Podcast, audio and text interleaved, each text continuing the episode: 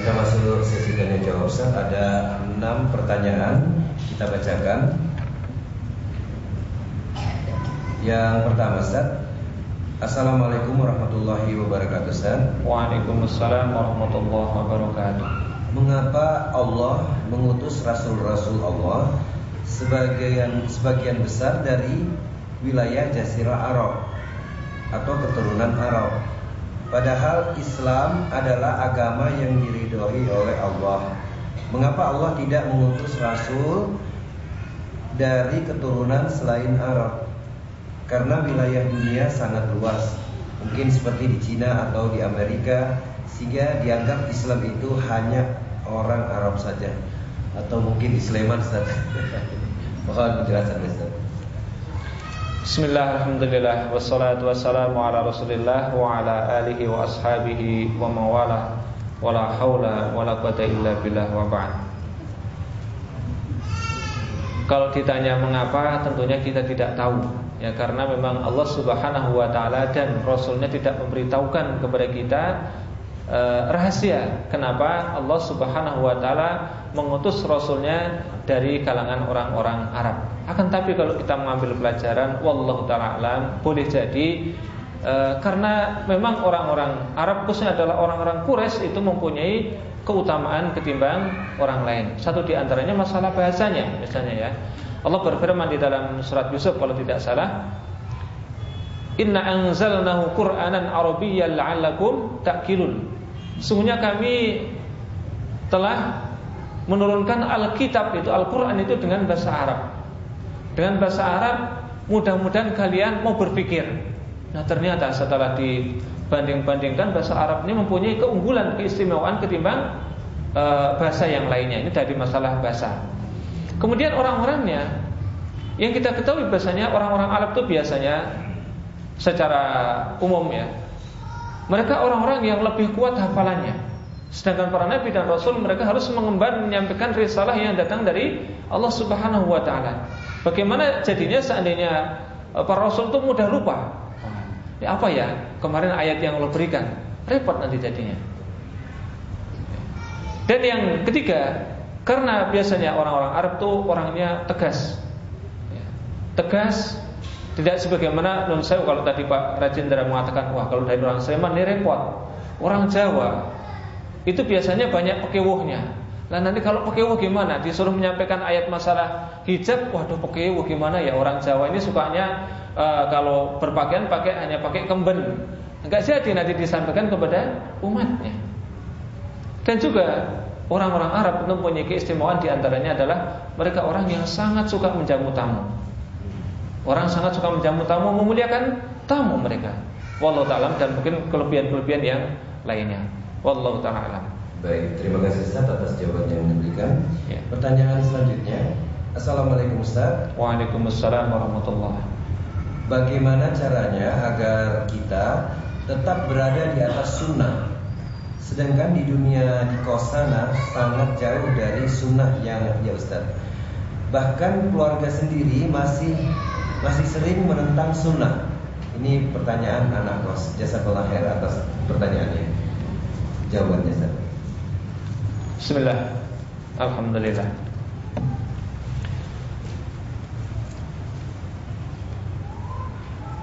Fattakullaha mastata'tum kata Allah Subhanahu wa taala. Bertakwalah kalian kepada Allah Subhanahu wa taala semampu kalian.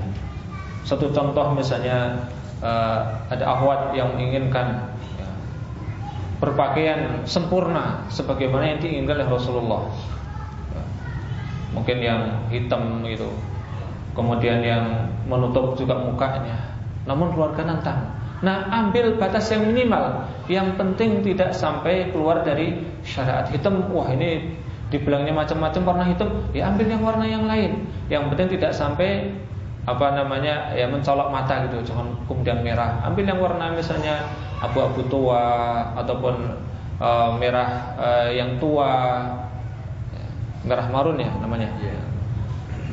Yang penting jangan hitam supaya tidak datang cemoohan. Tidak usah dulu pakai uh, apa namanya cadar. Seperti itu. Jadi pelan-pelan sedikit demi sedikit. Ini yang pertama. Ya, fattakullah mastata'tum. Yang kedua, banyaklah bergaul dengan orang-orang yang soleh. Ya, bergaulah dengan orang-orang yang soleh karena yang namanya pergaulan itu sangat-sangat akan mempengaruhi kepribadian seseorang.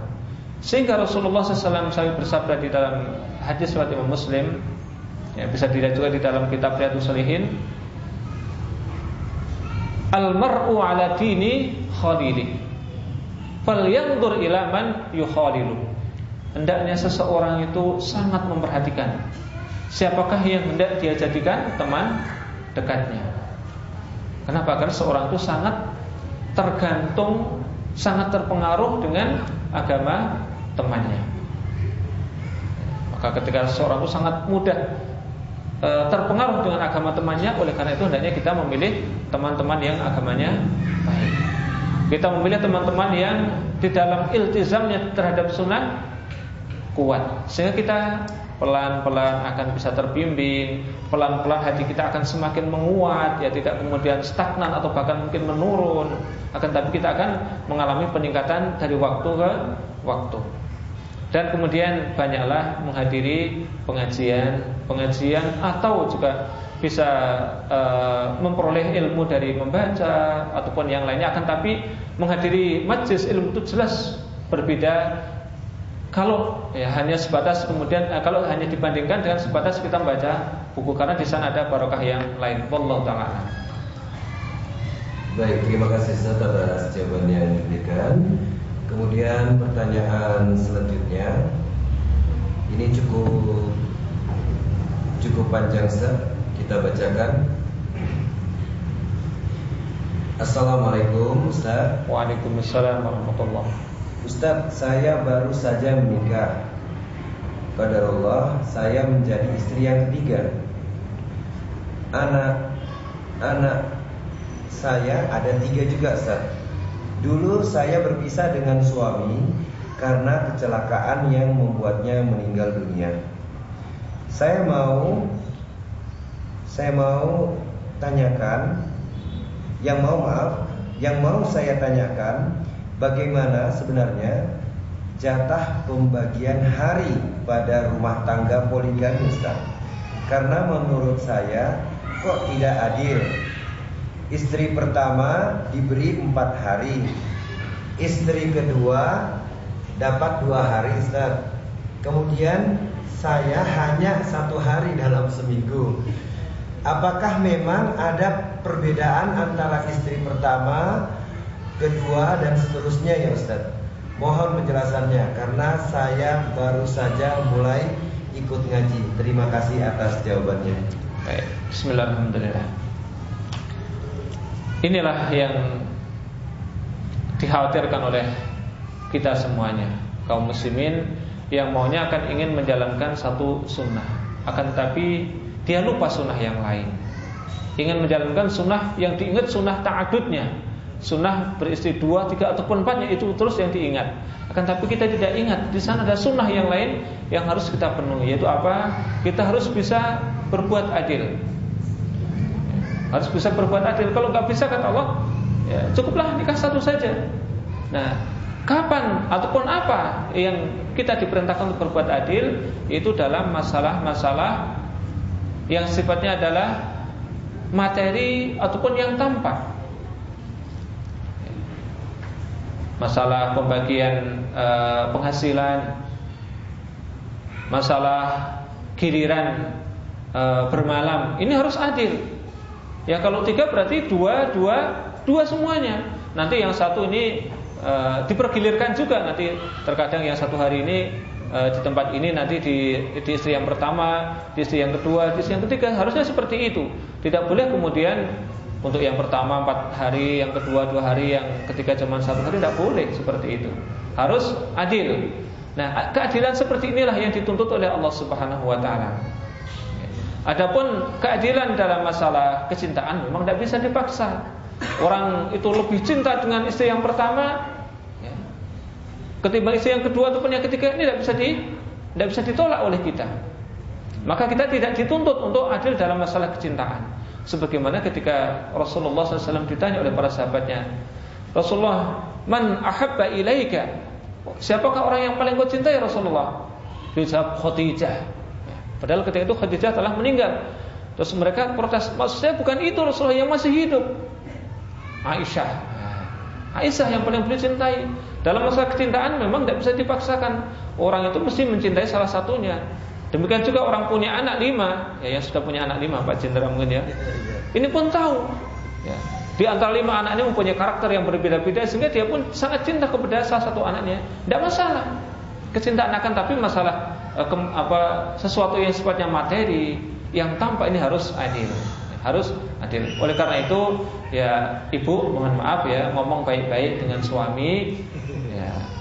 Saya tadi mendengar pengajian bahasanya uh, jenengan harus diperintahkan untuk berbuat adil termasuk dalam masalah bergilir. Itu hari bergilir. Karena seperti Rasulullah juga demikian. Dalam masalah bergilir beliau sangat adil. Akan tapi ada salah seorang istri yang memang baik hati. Rasulullah saya kan sudah tua. Maka jatah malam saya silahkan apa anda pakai untuk Aisyah. Tapi ditentukan untuk Aisyah bukan untuk yang lainnya. Maka giliran Rasulullah yang paling banyak kepada Aisyah karena apa?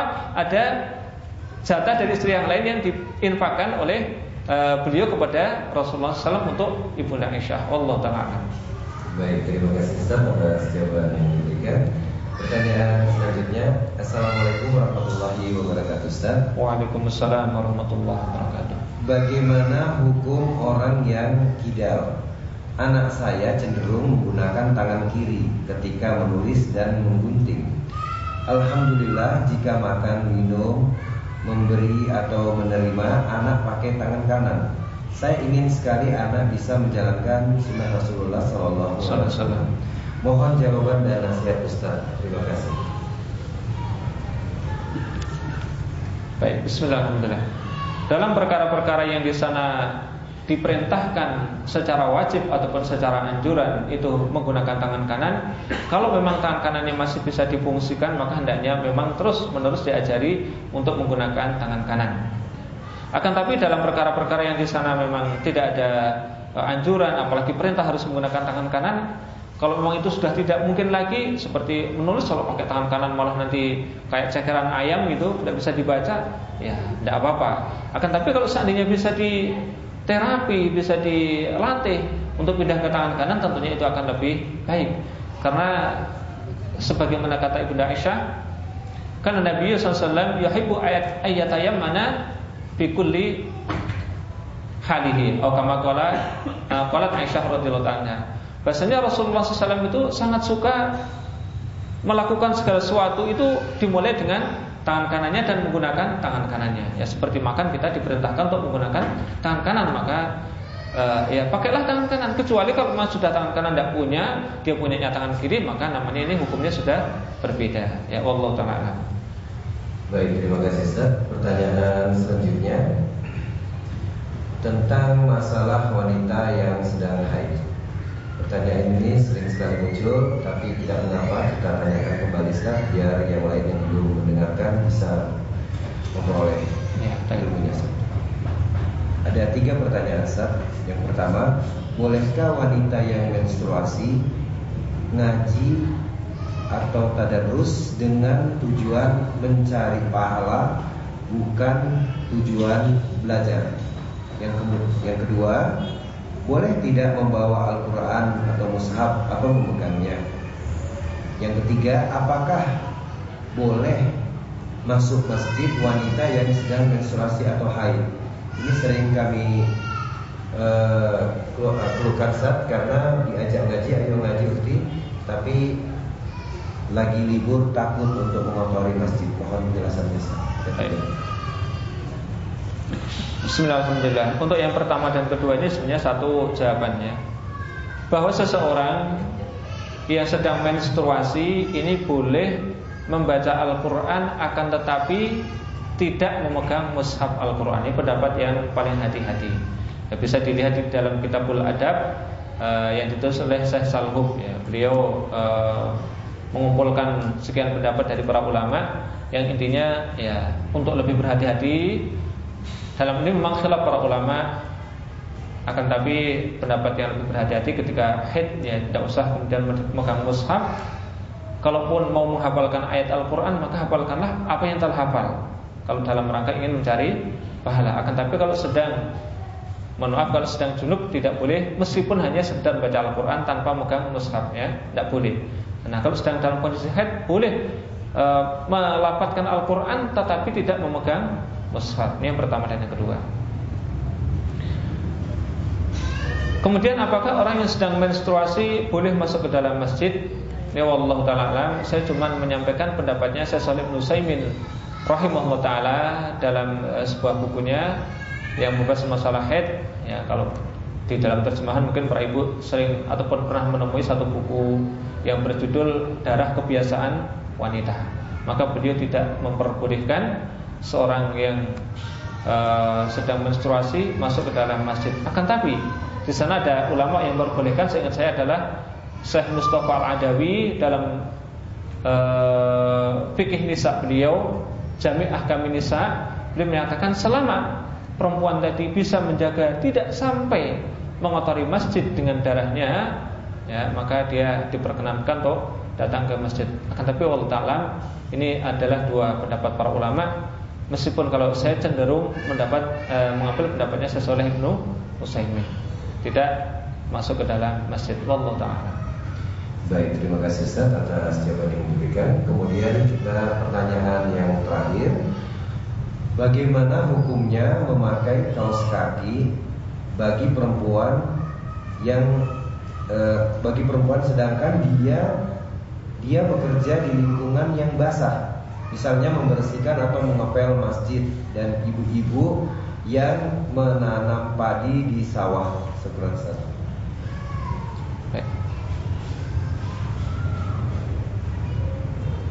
Ini contohnya kontradiksi ya. Satunya di masjid, satunya di sawah. Yang di sawah bisa pakai sepatu boot.